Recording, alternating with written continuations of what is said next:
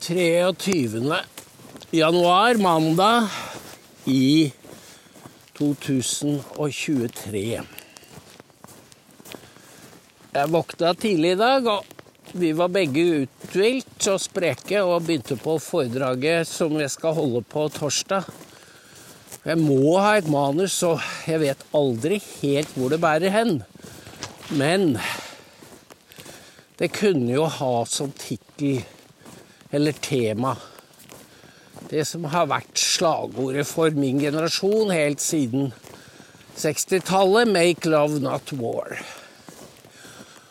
Og hele pedagogikken og politikken er jo utformet etter det prinsippet.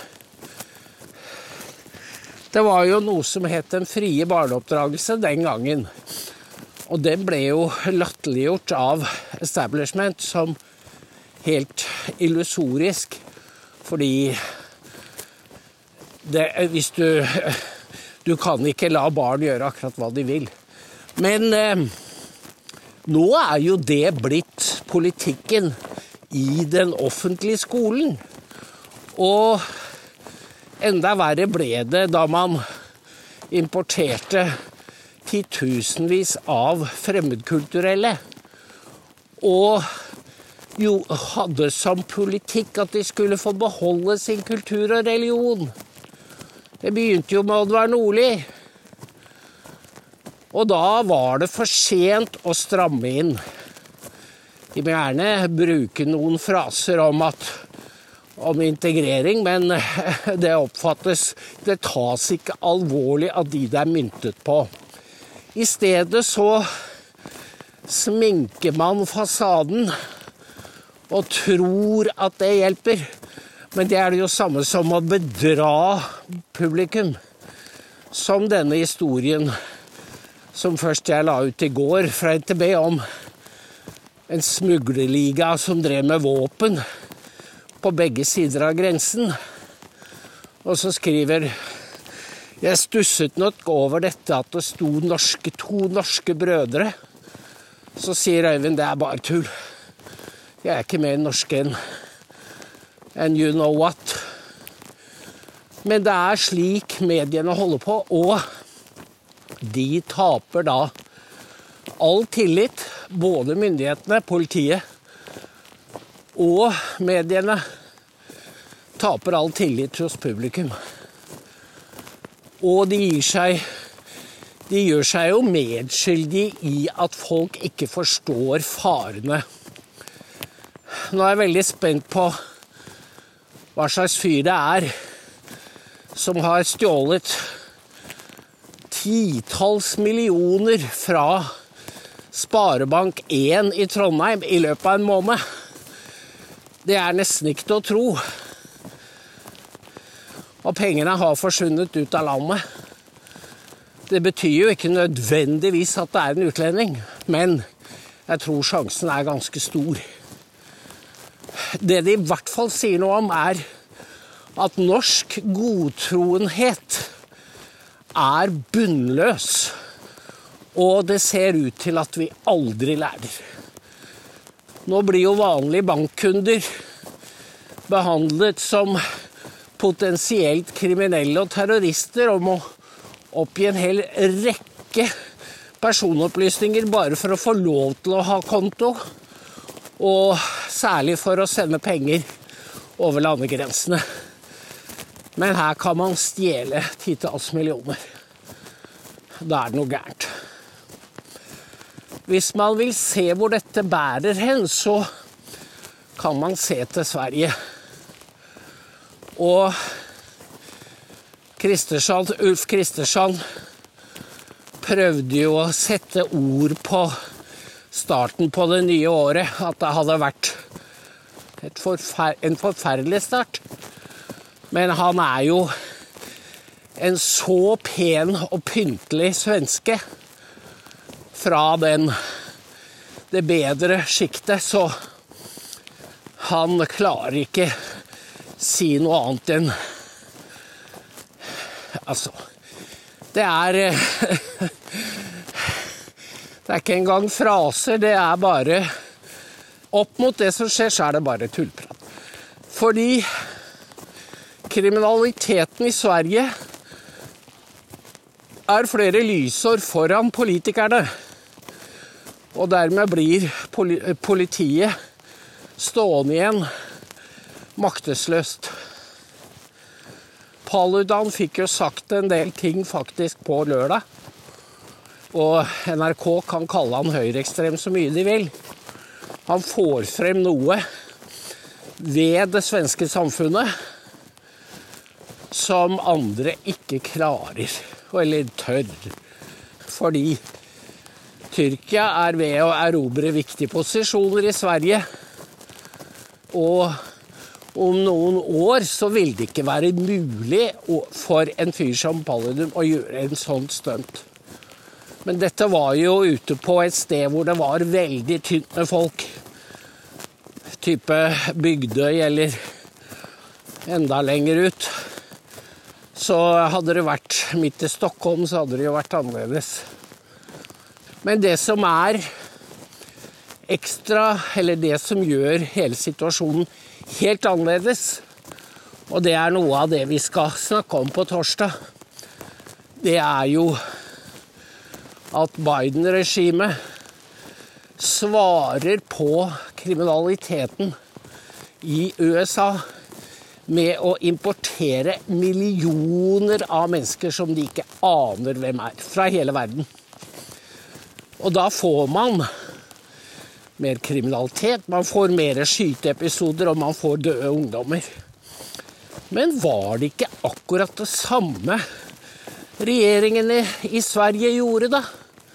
Fordi etter 2015 så sa jo alle i Europa vi kan ikke, tåler ikke et sånt år en gang til. Men det gjorde jo Sverige, for de bare åpna kranene eller dørene, rettere sagt, enda mer. Og det er samme politikk som Biden-regimet. Det kan ikke bli nok. Og da kan man ikke, som Ulf Kristersson, spille forbauset og sjokkert over volden. Fordi den er programmert inn i innvandringen. Den er programmert inn i Malmøs, Malmøs befolkningsutvikling, som jo etter hvert er et autonomt islamsk område med noen enklaver av svensker. Og det skjer flere steder i Sverige. Og jo mer det får etablert sharia-samfunn, jo sterkere blir jo da påvirkningen på andre enklaver rundt om i Sverige. Jeg skal bare si at For det tåler å gjentas både i dag og torsdag. Sverige lever i krigens hus. Det er islams begrep for områder som bebos av de vantro. Som muslimene er i ferd med eller skal erobre. Der er det Dar al-Harb, krigens hus. Mens der hvor muslimene er vunnet, der heter det Dar al-Islam. Der er det fred. Det er den krigen. Det er en virkelig krig. Dette er ikke billedlig talt. Jonas Gahr Støre holdt jo et innlegg på en livssynskonferanse i dag med Foreningen av moskeer. For det ble lagt fram en rapport, selvfølgelig. Og det er jo bare svada fra ende til annen. For Støre vil ikke adressere at det finnes Han tok til og med Shabana Rebans navn i sin munn. Han vil jo ikke adressere hvilken status hun har i moskeene. Og når du anno 2022 går som katten rundt grøten, så vet vi at Støre kommer aldri til å bidra med noe som helst. Tvert imot, han, han gjør at tiden går, sånn at den er på muslimenes side. Men eh, han vil jo aldri innrømme at det i hele tatt finnes noe som heter krig. Og det er problemet. Men det finnes altså krig i Ukraina. Og der har ikke Støre noen problemer med å pøse på med våpen. Og det er Dette er bare én av mange kognitive dissonanser som gjør at folk spør seg hva er dette? Hva, hvordan kan dere være så kategoriske og så krigslystne på et annet lands vegne, mens overgi deres eget? Det er det patrioter i USA sier om Biden. Men du kan si akkurat det samme om de nordiske land. Det sirkulerer en løgn eller en historie i norske medier om at Mette Fredriksen har adoptert Dansk Folkepartis innvandringspolitikk. Det er bare sprøyt. Det er mulig de tror på det sjøl, men Dansk Folkeparti har abdisert fra rollen som det mest innvandringskritiske. De er også blitt tilpasningsdyktige, for ikke å snakke om Venstre, som totalt har lagt seg på rygg. Det finnes ikke noe borgerlig alternativt i, i Danmark. Og det fikk vi flere eksempler på i valgkampen. Eksempel var det, kom det opp under en debatt om gamle hadde lov til å nekte hjemmehjelper med hijab. Og til å begynne med så sa jo da de borgerlige ja. Jakob Ellemann sa, øh, sa jo ja, det må de ha lov å si nei til. Men så gikk det noen en dag eller to, og så fikk pipa en annen lyd. Fordi da hadde de merket reaksjonen blant muslimene som de nå har driver stemmefiske blant. Og i byråkratiet for nå i Danmark har, som i Norge og Sverige, har jo muslimer fått innflytelsesrike posisjoner. Og de liker ikke sånne toner. Skal man begynne å diskriminere nå, liksom? Ja, for hva gjør muslimer? De diskriminerer. Mye verre. Og det vet vi, og tror jeg vi møter noen. Møter vi noen, Ville? Kommer det noen? Nei.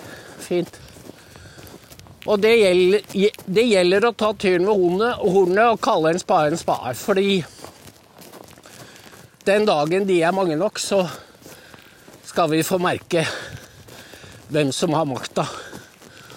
Og de bruker allerede sin innflytelse til å bli flere. Sånn som denne sjefen for Unilabs, sammen med tidligere leder for Legeforeningen, Aarseth, som altså boikotter myndighetenes ønske om røntgenbilder av tenner og hender for å fastslå alder på asylsøkere, unge asylsøkere. Det er en sabotering av offentlig politikk som burde få konsekvenser for disse laboratoriene som jo lever for en stor del av offentlige oppdrag. Men det skjer ikke. Og dermed sklir vi mer og mer inn da i jeg hadde nær sagt solformørkelsen, fordi dette er krigens hus. Og muslimene kjemper, bruker våre våpen mot oss som da er ettergivenhet, toleranse, som man kaller likestilling. Det er brutalt, men eh, sant. Og Øyvind satte ord på det i dag med disse to brødrene, som aldeles ikke var norske. Det var vel nok. det var vel nok for i dag, skulle jeg tro så ses vi i morgen. Og det er fortsatt en vips som Anne blir veldig glad for, som er 13629. Takk for i dag.